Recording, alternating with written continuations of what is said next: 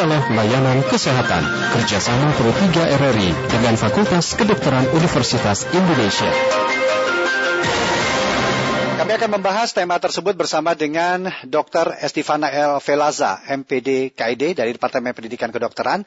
Dan kami juga mengundang Anda untuk dapat berinteraksi bersama dengan narasumber kami di 021 352 3172, kemudian di 021 384 4545, serta 021 386 6712. Dan juga dapat Anda gunakan WhatsApp kami di 081 399 399 888. Segera kita mulai dialog layanan kesehatan COVID-19.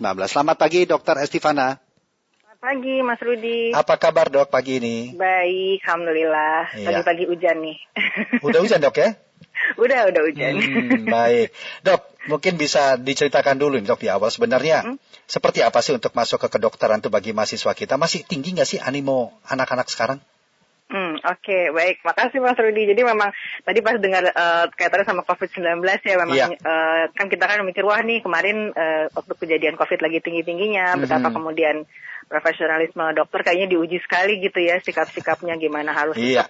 Eh, berjuang gitu. Nah itu eh, sempat ada kekhawatiran jangan-jangan animo masuk ke dokteran justru jadi menurun Jadi nih ya gitu menurun, karena iya. "Ah, ah, kok susah banget gitu ya ternyata profesinya. Tapi setelah melihat data-datanya selama ya paling tidak selama eh, satu tahun eh, seleksi terakhir lah ya, Mhm. itu tidak ada penurunan sih justru justru meningkat gitu. Mhm. Jadi ternyata justru memunculkan mungkin memunculkan motivasi baru kali ya Mhm. untuk eh, bisa masuk ke fakultas kedokteran gitu. Oh, jadi momentum Mm-mm. COVID itu bisa bisa menimbulkan seseorang ingin lebih mendalami di dunia medis melalui kedokteran, ah, begitu ya? Dok, Kayaknya ya? melihat yang terjadi setahun ini Ya. justru begitu gitu. ha, kalau Ah. lihat dari data kemarin. Nah, artinya seleksinya akan semakin repot nggak nanti dok? Kalau memang banyak animo dari masyarakat. Jadi memang seleksinya tuh kalau saat ini kan eh, dari FK pakai tiga jalur itu ya. Iya, eh, ada eh, jalur Mas ya, kan ada undangan, Mhm. ada pakai ujian tulisnya, kemudian juga ada kalau di UI ada simak gitu ya Mhm. yang memang eh, dari khusus dari institusinya gitu. Mhm. Kayaknya sih kalau dari kebijakan seleksinya sejauh ini sih belum ada eh, perubahan tuh mau gimana gitu ya. Mhm. Kita kan Tapi biasanya ya. kalau seleksi tetap dengan Ya. menggunakan eh, metode yang sama. Ya, profesi dokter itu kan memang uh, menjadi cita-cita anak-anak, bahkan orang dewasa juga atau sudah SMA, SMP, SMA masih tetap terfokus. Tapi tidak sedikit juga yang memiliki cita-cita itu justru muncul di saat SMP atau SMA. Nah, sebenarnya dok, selain hanya dicita-citakan bagi adik-adik kita ini, apa saja yang perlu dipikirkan atau perlu dipenuhi lah, dipertimbangkan untuk masuk dalam seleksi mahasiswa kedokteran? Oke, jadi memang pertama-tama tadi itu ya cita-cita gitu ya Mas ya. Jadi Mhm. cita-citanya kayaknya memang harus kuat gitu. Mungkin kalau cita-cita itu kita bicaranya kita eh, kalau kita jadi siswa SMA atau siswa SMP gitu bisa mulai bertanya kali kenapa ya pengen jadi dokter gitu. Jadi kan kadang-kadang dari kecil memang emang udah eh, mindsetnya mau jadi dokter, tapi Iya. kadang belum bertanya kenapa ya pengen jadi dokter. Bayangnya kalau jadi dokter terus mau gimana? Nah itu mungkin perlu digali tuh. Jadi Hmm. kita bisa lihat kuat nggak sih motivasinya gitu. Mungkin saya senang bantu orang atau saya penasaran sama ilmunya atau apa gitu. Nah itu sambil dipikirkan apakah memang benar-benar itu yang diinginkan gitu. Ya. Kemudian juga penting cari tahunya sih mas. Jadi cari tahu tentang profesi itu kayak apa. Mungkin Mhm. dari orang tua, dari teman, dari senior, kakak tingkat ya. alumni alumni gitu. Wah kayak apa sih profesi dokter itu? Kayak apa proses pendidikannya? Mhm. Jadi udah terinformasi cukup gitu pada saat kemudian memutuskan oke saya mau coba nih masuk ke FK gitu. Ya, jadi awalnya adalah paling nggak tahu dulu ya, kenapa kok memilih eh, kedokteran atau kenapa kok pengen jadi dokter. Kemudian barulah dicari apa saja yang perlu ditambahkan sebagai referensi itu dok. Eh, mungkin lebih ke pada saat profesi dokternya tuh kayak apa, jadi kesibukannya seorang dokter tuh kayak apa sih, aktivitasnya apa sih gitu, itu Ya. bisa dicari dari eh, mungkin dari, bahkan kalau kalau zaman dulu saya dari film gitu ya, kita bisa lihat kayak serial-serial TV yang eh, apa ada profesi dokternya, oh kayak gitu ya sibuknya, oh kayak gitu eh, aktivitasnya kurang lebih gitu. Mhm. Kemudian proses pendidikannya juga perlu dikaji lagi gitu. Kita lihat lagi nih eh, mungkin kakak-kakak senior alumni SMA kita gitu yang sudah menjalani pendidikan di FK kayak apa sih gitu pendidikannya gitu. Seberapa lama, belajar apa saja, kemudian metode pelajarannya kayak apa gitu. Jadi kita bisa ngebayangkan kayaknya kalau saya jadi mereka eh, saya akan eh, suka nggak ya gitu. Jadi Hmm. itu kayaknya perlu di eh, perlu dieksplorasi tuh sebelum memutuskan oke kayaknya saya udah mantep nih saya mau jadi dokter. Ya. gitu. Nah, dok, ah, atau mungkin ada nggak temuan misalnya seorang mahasiswa yang memang mencari tahu lebih banyak dulu menjadi seorang profesi dokter dan tidak ketika mereka hmm. menjalani uh, pendidikan di Fakultas Kedokteran? Iya, sebenarnya kalau yang datanya penelitian gitu sih kayaknya belum ya karena ya, pengaruh uh, pengaruh pembelajarannya dari, mungkin. Uh, uh, kalau dari hmm. kalau dari kasus-kasusnya sih memang ada beberapa yang kita temui terutama di tahun pertama gitu ya itu tuh masih kaget banget jadi mungkin hmm. mereka nggak kebayang kalau kayak gini gitu ya kok pendidikannya lama banget misalnya gitu kok ternyata harus aktif sekali ya gitu banyak diskusinya gitu sementara hmm. mereka biasanya nggak kayak begitu gitu tadinya jadi eh, kok ada nilai lagi untuk diskusi gitu kan terus kemudian kok kompetitif banget semuanya biasanya saya uh, di sekolah saya tidak sekompetitif ini tapi di sini semua tuh usaha banget gitu jadi yeah. Ya. uh, kadang kaget di situnya sih mas Ya. Gitu. Kemudian bagaimana itu dok untuk bisa menimbulkan kembali motivasi diri dari mahasiswa agar agar tetaplah fokus dalam pembelajaran di kedokteran. Tapi sebelum hmm. dijawab kita terima dulu pendengar ini dokter ya. Oh, Sudah iya, ada boleh, yang ingin berinteraksi. Ada Pak Udin di Boyolali. Selamat pagi Pak Udin. Selamat pagi. Assalamualaikum warahmatullahi wabarakatuh. Waalaikumsalam warahmatullahi wabarakatuh. Silakan Pak Udin. Pak Rudi, Ibu Dokter Estefana, Departemen ya. Pendidikan Kedokteran. Uh, kalau pandangan saya setiap dokter begini bahwa ada dokter yang rumahnya mewah ada dokter yang mobilnya mewah gitu. Ada dokter yang punya rumah sakit hmm. rumah sakitnya gede gitu. Nah identik dengan uh, materinya yang yang kelas menengah ke atas gitu apakah hal tersebut uh, berlaku demikian Bu? Yeah. Demikian terima kasih. Terima kasih Pak Udin. Masalah kesejahteraan dok, ternyata kalau jadi dokter yeah, tuh baik. kesejahteraannya membaik nih. Nah itu kan bukan tidak mungkin dok, uh, ada ada motivasi seperti itu. Bagaimana? Iya betul, baik. Uh, baik Pak Udin, terima kasih pertanyaannya. Jadi memang uh, kadang sedikit suka identiknya dengan kesejahteraan gitu ya. Uh, tapi mungkin tidak menutup kemungkinan kalau profesi lain juga sebenarnya kemungkinan sejahteraannya juga besar gitu. Hmm. Karena untuk bagi dokter mungkin untuk bisa mencapai uh, posisi itu perlu waktu yang cukup lama gitu ya. Kalau dulu kebayang gitu, kalau yang lain 4 tahun selesai kuliah sudah bisa langsung kerja gitu. Sementara uh, di kedokteran mungkin 4 tahun baru masuk klinik gitu. Jadi kita mungkin baru bisa memulai merintis uh, usaha tuh sesudah lulusnya tuh sudah enam tahun, tujuh tahun gitu. Jadi hmm. akan lebih lama gitu. Jadi memang banyak faktor sebenarnya menentukan uh, kesejahteraan gitu dan uh, kalau mungkin kalau memang itu jadi motivasi utama perlu dikaji lagi tuh jangan-jangan ada ada yang lain nih gitu ya, ya yang bisa ya. membuat saya lebih sejahtera gitu karena khawatirnya nanti pada saat menjalannya aduh kok ternyata begini amat ya gitu misalnya hmm. lama kok lebih susah dari yang saya pikirkan gitu mungkin ya. itu sih Ya. Kemudian ya. menghadapi mahasiswa dok yang ternyata mereka mungkin kaget dengan pola belajar hmm. atau materi yang tidak seperti yang dibayangkan atau tidak pernah menghadapi. Pendekatannya bagaimana ini dok?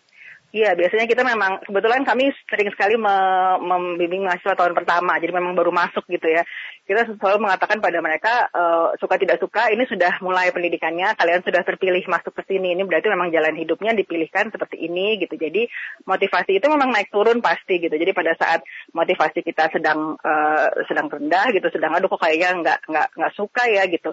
Coba cari sesuatu tentang pendidikan ini, tentang proses ini yang kalian sukai gitu dan uh, kayak apa ya pegang dulu itu deh gitu sampai kemudian muncul motivasi yang tadinya lagi turun itu naik lagi gitu. Yeah. Jadi uh, pasti ada sesuatu segi tertentu dari kedokteran yang uh, menyenangkan gitu buat kalian. Jadi coba cari sebisa hmm. mungkin iya. gitu. Yeah. Kan tadi di awal dikatakan memang harus banyak mencari tahu, mencari referensi seperti apa sih mm-hmm. kedokteran itu dan sebenarnya apa yang membuat saya untuk tertarik masuk kedokteran. Kalau peran keluarga, peran orang tua seberapa hmm. besar untuk bisa nah, memantapkan nah, itu, itu, niat itu?